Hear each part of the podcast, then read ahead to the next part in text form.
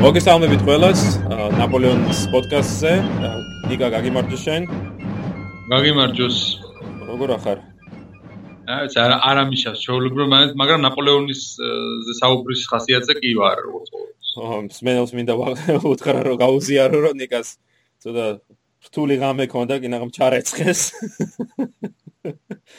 მაგრამ მიუხედავად ამ ყველაფრისა მიუხედავად რომ წყალი წყალით გაჟღენთილ სახში ზის, მაინც თავგამოდებული საუბრობს ნაპოლეონზე, ხომ ასეა? ხო, ბა. აი, ამ თავდადება ამასე ასეთი უნდა ბადებაჩებო. აა, ბრადებს საუბრობ ჩვენ დღეს. აა, დღეს საუბრობთ ნაპოლეონის 1796 წლის იტალიური კამპანიის პირველ ეტაპზე, როდესაც ნაპოლეონი პირველად იღებს ესე ვთქვათ მონაწილეობას ასე დიდ სამხედრო კამპანიაში და გამოავლენს თავის სამხედრო შესაძლებლობების მაქსიმუმს. დიდებულია. აბა ნამდვილად ძალიან საინტერესო და მნიშვნელოვანი მომენტი არის ნაპოლეონის ცხოვრებაში და და დაუწყოთ ეს. J'aime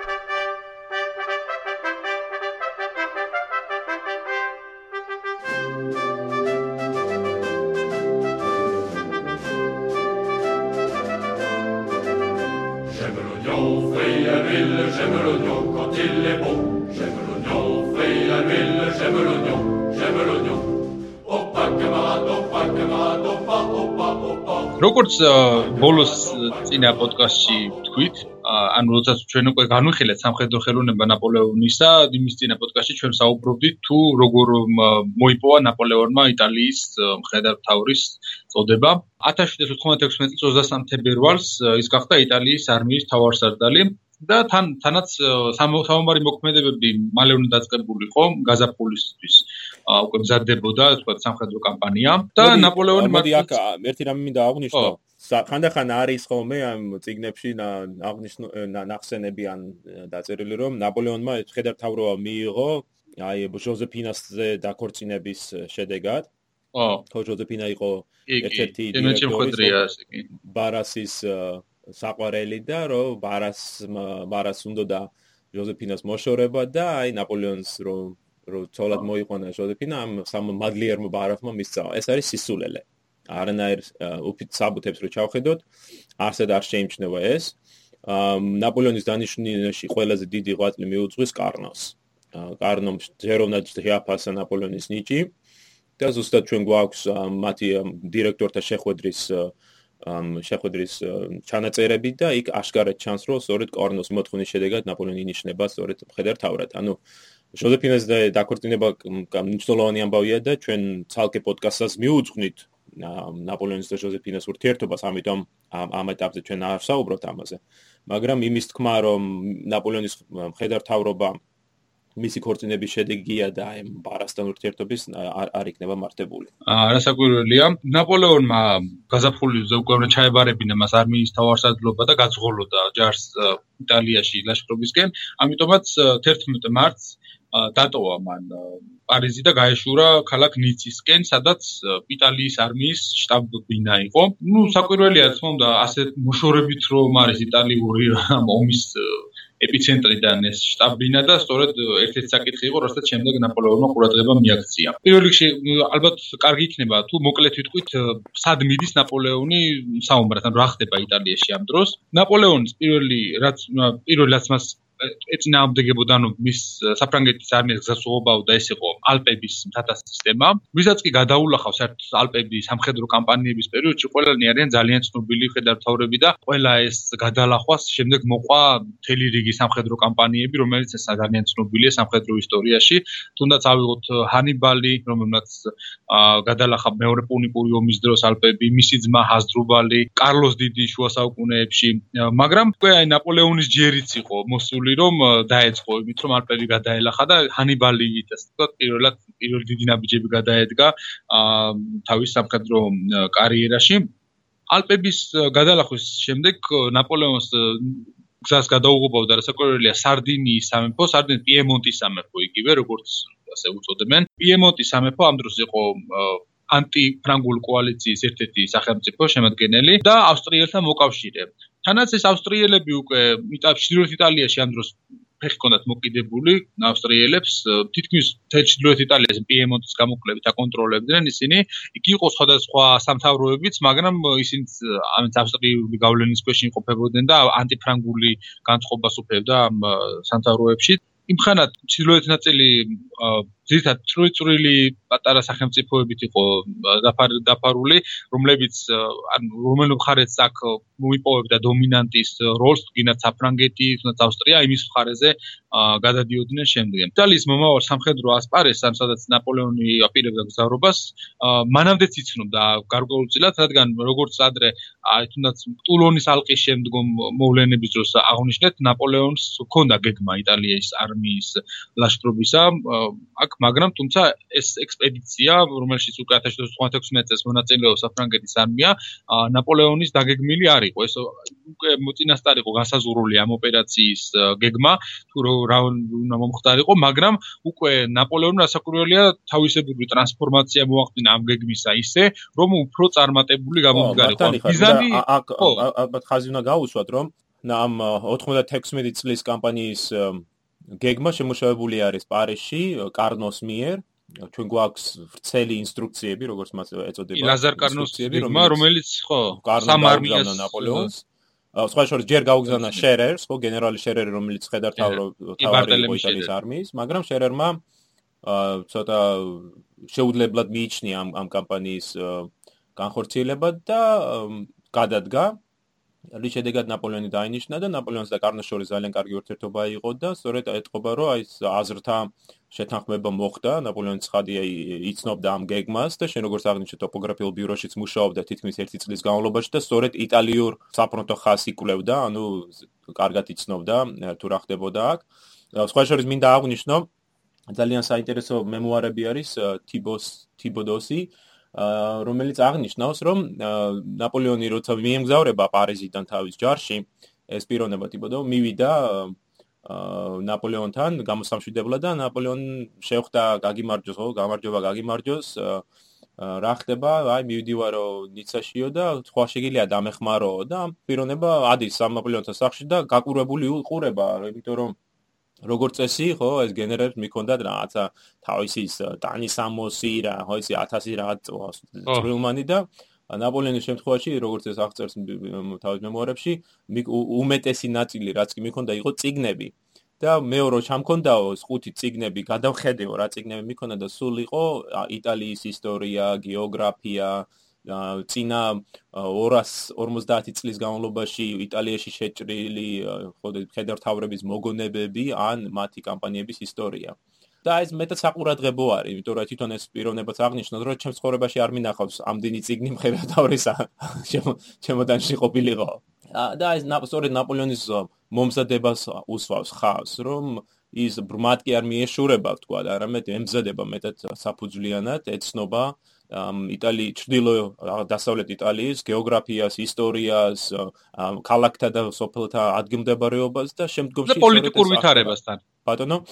პოლიტიკურ ვითარებასთან რა რა ხდება და როგორ განწყობას უფებს ამ იტალიის აი პოლიტიკურ ვითარება მეტად მნიშვნელოვანი არის შენ აღნიშნე რომ იტალია დაქუცმაცებული არის ხო ამრავ სამეფოს სასაგრაფოზე მართალი ხარ რომ სარდინია პიემონტი არის ერთ-ერთი ყველაზე ძლიერი იტალიური სახელმწიფო ნეაპოლის სამეფოსთან ერთად მაგრამ აი სარდინიასთან მიმართებით ერთ რამეს მინდა გავუსვა ხაზი. მართალია სარდინია ავსტრიელთან მოკავშირეა, მაგრამ ეჭვის დიდი ეჭვის თვალით უყურებს ავსტრიელებს. და ეს არა მარტო 96 წლის რეალობა არის, არამედ რო გადახედოთ სარდინიის სამეფოს ისტორიას უკანასკნელი 200 წლის განმავლობაში, ხო? შეინიშნება ეს ტენდენცია. ხო, თელი რიგის დაპირისპირებებიც ჰქონდა მე საერთოდ იტალიის დამოუკიდებლობის ომი ხო განსაკუთრებით. ხო, აი ზუსტად, ნო, სარდინიელებს პატარა ერივითა, ჩვენ აი ჩვენ ჩვენია ჩვენი ზარი ყოს და პატარა ერივით არის გამოჭერილები არის არიან აი ორ დიდ სახელმწიფოს საფრანგეთსა და ავსტრიას შორის და ცდილობენ გამოიყენონ ერთი მეორეს წინაამდე ისე რომ არც ერთის ზეგავლენის ქვეშ არ მოექცნენ.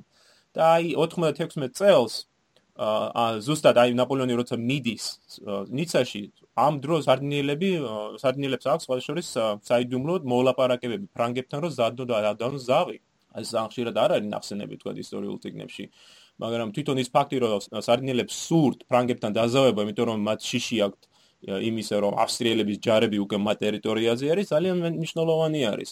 მართალია საზავო მოლაპარაკებები ჩაიშლება რის შედეგად სწორედ ნაპოლეონის კამპანიას მივიღეთ, მაგრამ ნაპოლეონი იცის ამ ამ მოლაპარაკების შესახებ, ამიტომ იცის რომ პირველივე წარუმატებლობის შემთხვევაში სარდინია მზად არის ზავი დადოს საფრანგეთთან. აი ახლა რამხელა უპერ ნიშნულოვანი ფაქტორია ხო ეს? ნასაკვირველია. ნაპოლეონი შენ როგორც ახსენე, ნიკა ნაპოლეონი ჩავიდა ნიცაში მარტის ბოლოს. არმია რომელსაც იგი სათავეში ჩაუდგა 4 წლის წინ იყო დაარსებული. და მისის სამოქმედო ასპარეზი სწორედ სამხრეთ აღმოსავლეთ საფრანგეთი იყო. ფრანგებს ეს უცნაური წესი ჰქონდათ, რომ დაერქმიათ თავის ჯარებისათვის იმ ქვეყნის სახელწოდება, რომელშიც შეჭრას აპირებდნენ. ასე რომ ო, ინგლისის არმიაც რო იყო. ინგლისის არმია, აღმოსავლეთის არმია, გერმანიის რაინის და ასე შემდეგ. და აი იტალიის არმია გვაქვს, რომელიც თითქმის 4 წლის განმავლობაში არ შეჭრილა იტალიაში, ხო, არ შეუდგია ფეხი, მაგრამ მაინც იტალიის არმიას უწოდებ. სხვა შორის ერთადერთი ჯარი არ იყო, იყო კიდევ მეორე ჯარი, რომელიცაც ალპების არმიას უწოდებდნენ და ამ ორ ჯარს შორის ალპების არმიას უფრო დიდი წონა ჰქონდა ვიდრე იტალიის არმიას, რაც საკმაოდ კელერმანი მეთაურობდა თანაც. დამდვილად კელერმანი მეთაურობდა და საინტერესო იმით, რომ აი ხთვენ რომ საუბრობ ნაპოლეონის დანიშნაზე, ხო? რა დამსახურება ჰქონდა, ვთქვათ, რომ დაენიშნა პირდაპირ ჯარის მხედართავრად. აქამდე რას მეთაურობდა?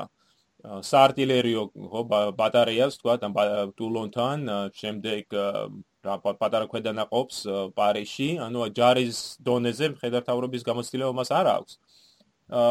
მაგრამ აი 96 წელს ინიშნება ჯარის უფროსად მაგრამ რო შევხედოთ საფრანგეთში არსებულ ჯარებს იტალიის ჯარი არის ყველაზე პატარა.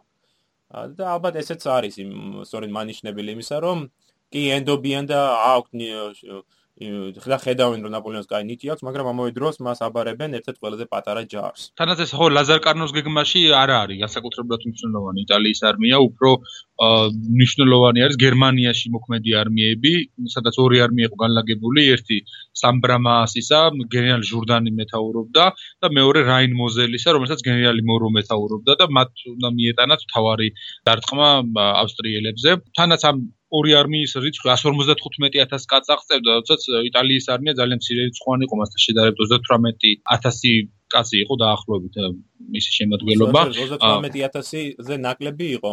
ოფიციალურად ირიცხებოდა 70000. ოფიციალურად ხაღალზე იყო 20, ხო.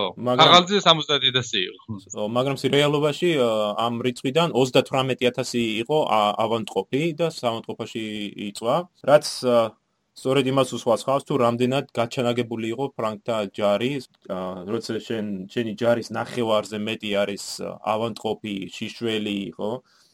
საკმაოდ საკმაოდ მომარაგებელია, თითქმის არ ქონდათ კარგი კარგი შეიარაღება არც თქვა სურსათიც უჭირდათ და მოკლედ ძალიან რთული ვითარება ხვდება. ამიტომაც მისცეს ესეთი არმია ნაპოლეონს. ხო, ეხლა მეორე ხარისხოვან ფრონტზე, ხო, მისი მიზანი იყო ა ხანდახან არის საუბარი მე მგონი სისკარიშვილს აქვს რომ უნდა შეჭრილიყო იტალიაში დაიკავებინა ჩრდილო იტალია მე გადაელახა ალპები და შეერთებულიყო სამბრამაზის ჯართან. არა ამას ვერ შეძლებდა იმ არმიით რომელსაც მას კონდა ყოველ შემთხვევაში ვერ გაიფარეს. ხო, საერთოდ ვერ გაივლებდნენ ამ ამ ამას ალბათ ასეთი სუსტი და ასეთ მომარებაში ყოფილი არმიით ასეთ რაღაც რო შეესრულებინა მას. მანამდე სანამ ხო დაეწყო სამხედრო მოქმედებები გერმანიის ფრონტზე ამ სამბრამასის და მეუზის ჯარებთან ერთად. მაგრამ ნაპოლეონის გეგმა უფრო შეზღუდული იყო, სარდინიის ტერიტორიაზე გადაეტანა სამხედრო მოქმედებები და ერთ-ერთი დიდი მიზანი იყო, რომ სარდინია გამოეთიშა ომიდან. ეს რომ მიიღწია იქნებოდა დიდი წარმატება. დარჩენი ეს უკვე არარეალობიდან იყო, ხო? არ მაგაზე არც ფიქრობდნენ ისინი, რომ ნაპოლეონი ჩრდილო იტალია შემოიერთებდა და მეორე ალპებსაც გადალახავდა. ამაზე არავის არ უფიქრია ნამდვილად 96 წლის დასაწყისში. აა, როდესაც ნაპოლეონი იტალიის არმიაში ჩავიდა, მაშინ 4 დივიზია იყო არმიაში ძირითადი დივიზიები, რომელსაც მეთაურობდნენ ლაჰარპი, რომელიც დივიზია დაახლოებით 8000 ჯარისკაცგან შედგებოდა, გენერალი მასენა ცნობილია მასენა რომელიც შემდგომში მარშალი გახდა ნაპოლეონისა. გენერალი ოჟერო ასევე მომავალი მარშალი და გენერალი შერიურიე ესეც მომავალი მარშალი. მოკლედ სამ მომავალ მარშალთან ერთად იბრძოდა ნაპოლეონი იტალიის კამპანიაში. კავალერია მცირე რიცხვოვანი ყავდა, დაახლოებით 4000 კაცი და თანაც როგორც ვთქვით, ცხენების ნაკლებობაც იყო იტალიის არმიაში და არ ქონდა განსაკუთრებული იმედს ვერ დაამყარებდა თავის არტილერიაზე ნაპოლეონი. არტილერიაც შედარებით მცირე რიცხვოვანი ქონდა, ვიდრე მოწინააღმდეგეს დაახლოებით 60 ზარბაზნისგან შედგებოდა, როგორც ვთქვით, და მოწინააღმდეგის უფრო მეტი 158 ზარბაზთან შედარებით რა თქმა უნდა ეს იყო მცირე რიცხვი. პიროვნება ახსენოთ. ძალიან მნიშვნელოვანი არა მარტო ამ კამპანიისათვის არამედ ზოგადად ნაპოლეონის ომების ომებში. და ეს არის ალექსანდრე ლუი ბერტიე ერთ-ერთი ჩემი საყვარელი პიროვნება შემდგომში დიდი არმიის შტაბის ლეგენდარული უფროსი. ბერტიეს მშობლები საკმაოდ წარჩინებული ოჯახიდან იყო სხვა შორის დაიბადა ვერსალში მისი სხვა შორის შენობასაც დაიბადა ის სახლი ჯერ კიდევ დგას შეგვიძლია ეწიოდა მოინახულოთ მამამისი იყო ინჟინერ გეოგრაფი მემსახურებოდა ბურბონთა მეფეს ახალგაზრდა ბერტიეც ადრე დაიწყო ჯარში მსახურობა, მონაწილეობა მიიღო ამერიკის დამოუკიდებლობისათვის ბრძოლებში. შემდეგ რევოლუციის წლებში იგი უკვე პოლკოვნიკი გახდა, ვერსალის ეროვნულ გვარდიას მეთაურობა. გადაურჩა ამ ტერორის ამბებს, ხო? შემდეგ თერმიდორის შემდეგ დაინიშნა ალპურ არმიაში, სადაც სწორედ აი ნიკაშენს ნახსენებ გენერალ კელერმანთან მსახურობდა. და საინტერესო რა არის, რომ ნაპოლეონი როცა დაინიშნა იტალიის არმიის ხედართავად, გახსოვს ჩვენ წინას პოდკასტში საუბრობდი რომ ნაპოლეონის ეს მეხსიერებაზე რომ საუბრობდი მე აღნიშნე რომ ნაპოლეონმა ყველა ოფიცრის სახელი იცოდა ხო და ნაპოლეონმა ითხოვა სწორედ ბერტიე თავის ქვეშორდომად რა, იმ თავის штаბის უფროსად. ანუ ეტყობა რომ ემზადებოდა ხო ამ ჯარისში წასასვლელად მიიღედ მოიხედა და აი მაი მისი დამხმარე პერსონალის შერჩევისას სწორედ ბერტიაზე გაამახვილა ყურადღება, რაც მეტად მნიშვნელოვანი გადაწყვეტილება იყო. ბერტიე გახდა ნაპოლეონის შტაბის უფროსი და ამ თანამდებობაზე დარჩა მთელი ნაპოლეონის მთელი ომების განმავლობაში გამონაკლისია მხოლოდ 1815 წლის კამპანია, ხო, ბოლო. ის განუწყვეტლივ ნაპოლეონის გვერდში იქნება და სწორედ მისი მონაწილეობა იმით არის აღსანიშნავი, რომ ბერტიე იყო შეგვიძლია ვთქვა ადმინისტრაციული გენია, აა მეტად შრომის მოყარე შეძლო 20-22 საათი ემუშავა დღეში დაუღლელად. კონდათ უზარმაზარი ენერგია და რაც უფრო მთავარია ეს მოდა ნაპოლეონის საერთი ხანახო რო იყვიან ხო უსიტყვოდ ეს მოდა აი ესე. ნაპოლეონს კონდა ჩვევა ძალიან ისეთი აბდაუბდა ენიტი ეთქვა გაეცა ბრძანებები. მithumetes ჩვენ საუბრობდით რომ ფრანგი ფრანგული ენა არ იყო მისთვის ხო? დედა შობლიური ენა საუბრობდა ხანდახან ხშირად საუბრობდა ძალიან უხეში ფონეტიკური შეცდომებით ან თვითონ აზრობრივი შეცდომებით. და სწორედ ბერტიე იყო ის პიროვნება რომელიც მოусმენდა ნაპოლეონის ზეპირ ბრძანებას გაანალიზებდა ის და ჩამოაყალიბებდა მას იმ ფორმა იმ ფორმით რომელიც მე უკვე ადვილად გასაგები იყო მის გენერლებისთვის თუ ოფიცრებისათვის რომ არა ბერტია ვინ უწყის როგორ წარიმართებოდა ნაპოლეონის ბედი 1815 წელს ხო იმ ვატერლოს კამპანიის დროს ნაპოლეონს არაერთხელ აღნიშნავს რომ აი ბერტია რო ყოფილიყო ხო სხვანაირად იქნებოდა ეს ყველაფერი. ის სულს როცა უთხრა რომ ერთი ის რო გაგზავნა. ხო ხო აი ზუსტად ბერტიეს რო ყოფილიყო 100 გაგზავნიდაო ხო. ამ თუმცა ისიც აღსანიშნავია რომ ბერტიე თვითონ როგორც დამოუკიდებლად მოქმედი მხედართავარი სუსტი იყო საკმაოდ და უბრალოდ აი ეს ადმინისტრაციული საკითხებში იყო ასე ვთქვა დიდი არმიის მართალი ხარ შენ რომ აი ბერტია როგორი ნიჭიერი პიროვნება, მაგრამ ეს ნიჭი ვლინდება მხოლოდ მაშინ, როდესაც ნაპოლეონი მას ზედამხედველობს. ნაპოლეონის გარეშე, როგორც ჩვენ ვიტყვით ამას 1809 წელს, ისეთ უხეშ სტრატეგიულ შეცდომებს უშვებს, რომ ფრანგები დამარცხების პირას მივიდნენ. თვითონაც პირ პირად საქმეებშიც ბერტია აბსოლუტურად შეიძლება ვიტყვი დამონებული ყავს ნაპოლეონს. მე ერთ-ერთი ჩემი საყვარელი მემუარი არის, რომელსაც აღწერილია ეს შემთხვევა. სადაც ბერტიემ შეცდომა დაუშვა და აღწერს თანამედროვე რომ ბერტიე დგას კედელთან ნაპოლეონი დგას და რაღაცნაირად უჭირავს. ეს წარმოგიდგენთ დაბლ კაც რომ ეს მაღალი კაცი კეჩოში უჭირავს ბერტიეს თავი და კედელზე არ ტყმევინებს და უყვირის ეს როგორ მოგივიდაო. ხო და პირად საქმეებშიც ესე დამონებული ყავს მას. სიკვდილით რაღაცა ესეთი ბურუსთარი მოცული, ალბათ მე ვისაუბრებ მაგაზე. ხო, იმიტომ რომ მე მარშლებზე შევეხებით ალბათ ჩვენ პოდკასტებში ცალკე მათ პიროვნებებს და უფრო დეტალურად მიმოვიხილავთ ასეთი ფედერალურ პლანებს მინდა უთხრა რომ ჩვენ მუშაობთ ხო მარშლებზე ციგზე, დავამთავრეთ კიდევაც. პირველად ქართულ ენაზე გვექნება ერთი ძალიან საინტერესო მე მგონი ციგნი, რომელიც 26 ნაპოლეონის მარშალს მიმოიხილავს საკმაოდ დიდი დეტალით. და იმედია რომ ამ წლის ბოლომდე გამოვა, ხო, დიკა? იმედი მაქვს. და მოკლედ გავაგზავნოთ. ხო, აი ჩვენ საუბრობთ იმაზე, რომ აი ეს ალპური არმიაც იმყოფებოდა ახლომახლო იტალიური არმიისა, მაგრამ არ ემორჩილებოდა ეს არმია. პირიქით რომ მაღლა იდგა იტალიური არმიას შედარებით. და ისიც საკმაოდ სირიცხოვანი იყო, თუმცა ნაპოლეონს არ ეხებოდა ალპური არმიის საქმეები. აა ნაპოლეონი მიეხედა ჯერ პირველ რიგში თავისი იტალიური არმიისათვის. ახლა ვის ებძვის ნაპოლეონი რა ძალები არიან მის ძინაამდე? მოკავშირეებს ამ პიემონტის სამეფოს და ავსტრიელები, აი დაახლოებით ასე იყვნენ განლაგებულები. აა ზედოთ კი კელერმანის ანუ ალპური არმიის ძინაამდე ჩრდილოეთისკენ 20000-იანი არმია იმყოფებოდა აუსტის ჰერცოგის მეთაურობით, მათგან სამხრეთ-აღმოსავლეთით იყო გენერალი კოლი 22000-იანი корпуსით. გენერალი კოლი შესაძლოა საინტერესო ეს პიემონტელების ყველაზე მნიშვნელოვანი გენერალია ამ ომში. ავსტრიელთა არმია დაახლოებით 30-32000 კაცისგან შედგებოდა და ოღონდ ეს არ ძალა ერთად არ იყო თავმოყრილი, მიმოფანტული იყო საკმაოდ აპენების თაგრეხილებს ან კალთებზე და რამდენიმე პუნქტ შორის იყო მიმოფანტული და პრინციპში ზოგიერთი ნაწილი ამ არმი არმიის რაღაც ნაწილებს საერთოდ არც მიუღია სამხრეთ საომარ მოქმედებებში მონაწილეობა. ამიტომაც ბონაპარტის ან 30000-ზე მეტი ჯარს არც ისეთი დიდი რიცხობრივი პიატესობით არ ხვდებოდა მოწინააღმდეგე როგორც ეს ჩანდა თითქოს ქაღალდზე. რადგან ეს დიდმანძილზე გაფანტული ძალების თავმოყრა ერთ პუნქტში საკმაოდ რთული იყო ამ ავსტრიელებისათვის და ნაპოლეონი კიდევ როგორც აღმოჩნდება შემდეგ ნახავთ რა ტაქტიკითაც იმოქმედებს მათ წინააღმდეგ. რაოდენობრივ განსხვავების გარდა, ნუ მატერიალურ ტექნიკურ მომარაგებით ნამდვილად ჯობნიდა ალბათ ავსტრიელთა არმია, უფრო უკეთესად იყო მომარაგებული, ჩაცმული, სულსათი საკმარისი ჰქონდა იტალიური არმიისგან განსხვავებით, რომლებიც ძალიან თქო ღარი ღარიბულად იყვნენ და მოწინააღმდეგო მათ შემდგომ დაცინვით ჩამოძონძილ გმირებსაც კი უწოდებდაო.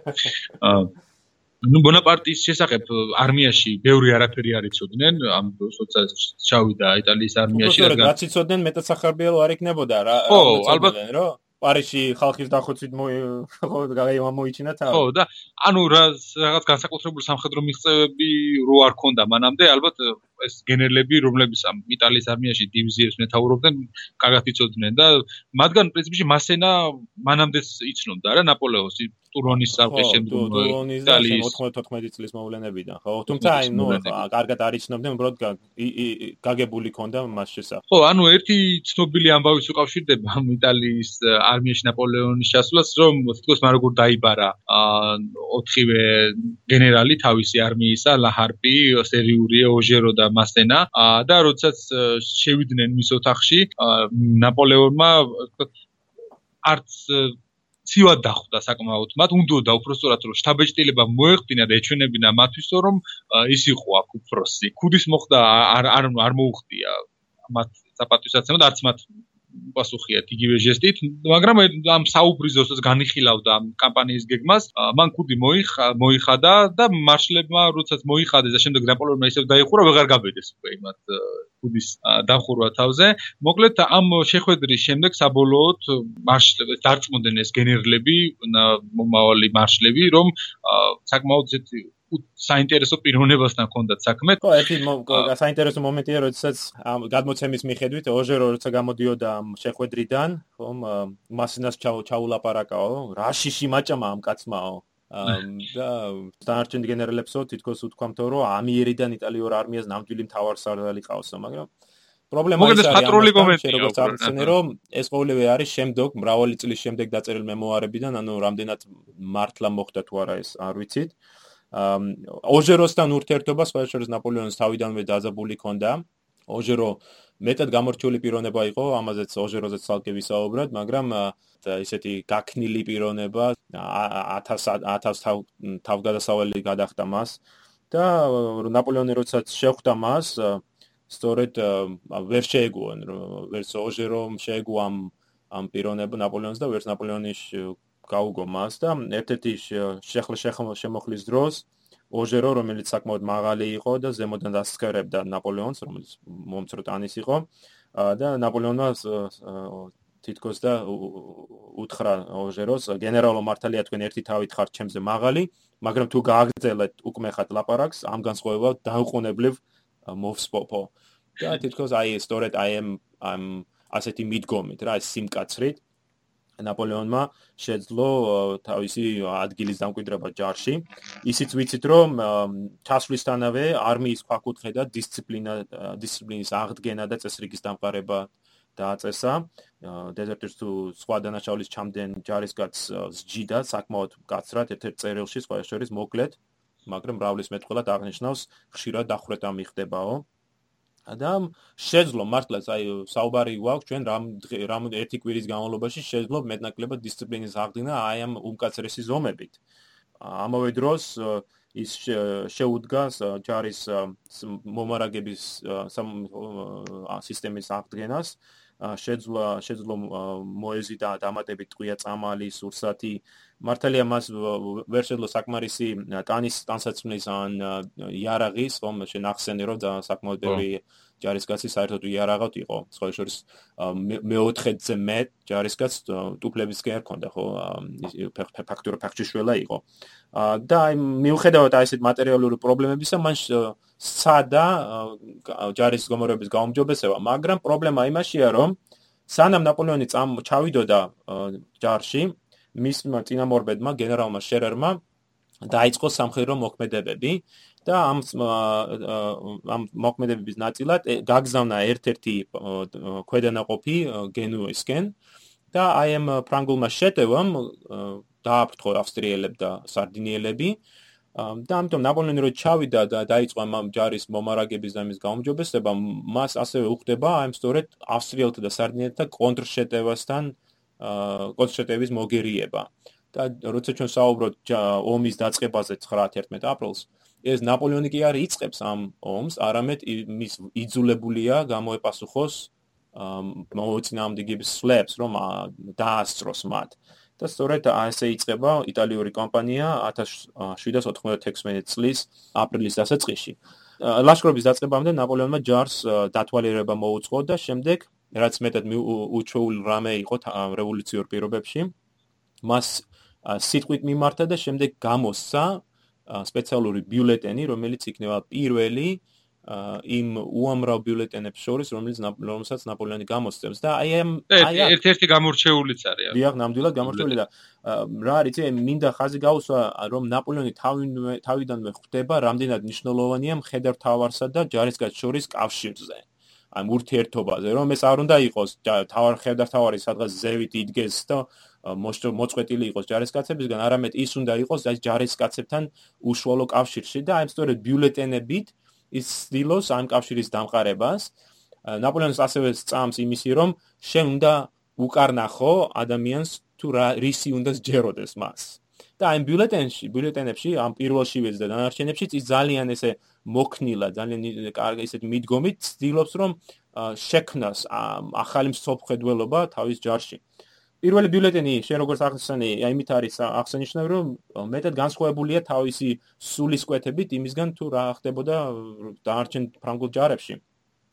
ჯობია რომ ციტირება მოახდინოთ ამის. ჯარისკაცებო, თქვენ ტანტ არ გაცვიათ. საჭმელს ასმელი გაკლიათ. თავრობას თქვენი დიდი ვალი აქვს. მაგრამ ვერაფრით გაუსტუმრებია ის. თქვენი მოთმინება და ვაშკაცობა უსაზღვროა და გაუცებას იწევს. მაგრამ მათ ვერაფერი მოგიტანეს თქვენ, რადგან დიდების ხივმა გვერდით ჩაგიარათ. ამიტომ მე მე მინდა წაგიყვანოთ სოფლიოს ყველაზე ناყოფიერ ველებზე, სადაც თქვენს ხელთ იქნება მდიდარი მიწები და დიდი ქალაქები, სადაც თქვენ პატივი, დიდება და სიმდიდრე გელოდებათ. იტალიური არმიის ჯარისკაცებო, ნუ თუ ასეთი მისნის მიზახსნებად არ გეყოფათ სიმამაცე და მონდომება? თავარსარდლის ამ მოწოდებას ჯარი დიდი სიხარულით შეხვდა ნაპოლეონამდე ხო არავის არ მიუმართვას მათთვის ასეთი სიტყვები და დაპირებებით. ეს წარმოგარკვეულწილად წარმოუდგენელიც იყო, ვინაიდან რევოლუციის დროს ჯარისკაცები თავისუფლებისათვის უნდა იბრძოდნენ, აი ამბობდნენ თვითონ რევოლუციური ხელისუფლების წარმომადგენლები. ბრისო სწორედ ამას მოუწოდებდა ხო რევოლუციურ ჯარს, რომ გასულიყო და გაინთავისუფლებინა ევროპა. ახლა კი ბონაპარტი მათ თავისუფლებისათვის ბრძოლას კი არ მოუწოდებდა, არამედ დიდებას, სიმდიდრეს, ფულს პირდებოდა. თავისუფლის მიერ ჯარისკაცებისათვის ასეთი მიმართვა სრულად ახალი იყო იმ დროინდელი ფრანგული ჯარისათვის. ამასთან თითოეული ბიულეტენი ნათელს ფენს თუ რაოდენ გამჭრიახე და ადამიანის სულის სიღრმების სოდნე იყო ნაპოლეონი. აი სწორედ მან შეძლო გაიგო თუ რა უნდა და რა სწურო და ჯარისკაც და თითოეულ ბიულეტენში სწორედ აქცენტი გაიკეთებინა ამაზე. ერთი ორი სიტყვით ალბათ უნდა ვთქვა მოკავშირეთა ჯარების თავარსარდალი ვინ იყო ეს იყო იოჰან პეტერ ბოლიო ავსტრიის არმიის გენერალ ფელდცეჰმაისტერი საკმაოდ ასაკიანი კაცი იყო 72 წლისა იყო ამ დროს. 7 წლიანობშიც კი ქონდა მას მონაწილეობა მიღებული და ფრიდრიხ დიდის წინააღმდეგ იბრძოდა. ნუ ნაპოლეონის თვის ეს რაღაცა ნაპოლეონსა და ბოლიოს შორის არის რაღაც კონტრასტი გარკვეული, იმიტომ რომ ნაპოლეონი არის რაღაცა თანამედროვე, უფრო ახალგაზრდა და რაღაც სხვა ტიპის რევოლუციური საფრანგეთის არმიის რაღაც ახალი ახლებური მეთოდების გენერალი, ხოლო ეს გენერალი ბოლიოკი არის ამ ძველი 18 საუკუნის ტრადიციული სამხედრო ტაქტიკისა და ზოგადად მოქმედებების მიმდევარი მხედართავარი და მათი ბრძოლაში გამოჩნდება კიდევაც თუ რომელს პირატესობა გააჩნდა ну ავსტრიელების ჯარსაც ჯარი არ იყო საბძოლო თვალსაზრისით არც ესუსტი იყო საკმაოდ კარგად იყო მომზადებული. მაგრამ მორალური თვალსაზრისით მას შემდეგ უკვე რაც ნაპოლეონმა რეფორმებმა ანუ იტალიური არმია არმია არმიას დაამსგავსა და წესრიგი აღადგინა ნამდვილად მორალური თვალსაზრისით არ ჩამოვარდებოდნენ ფრანგები მათ და მთავარი ამოცანა, რომელიც ბონაპარტის წინაშე იდგა, იყო მოწინააღმდეგის ძალების ერთმანეთისგან დაშორიშორება. აი ეს იყო ნაპოლეონის ტაქტიკის ერთ-ერთი საყვარელი ტაქტიკა, ასე ვთქვათ, ნაპოლეონი ღიად იყენებდა ამ ტაქტიკას, როდეਸ მრავალრიცხოვან ტერთან უწევდა ბრძოლა, ის ცდილობდა დაეშორებინა ერთმანეთისგან მოწინააღმდეგე და ისე გაენადგურებინა ძალები და სწორედ ამ საბრძოლო ხერხის გამოყენებას აპირებდა ამ კამპანიაშიც. მოდი ალბათ აჯობებს დღეს აქ შევჩერდეთ და მომოდენო პოდკასტში პირდაპირ გადავიდეთ თუ რა მოიმოქმედა ნაპოლეონმა იტალიის კამპანიაში და აღწეროთ მისი სამხედრო მოქმედებები. ნამდვილად. შეხვედრამდე. ნუ შეხვედრამდე.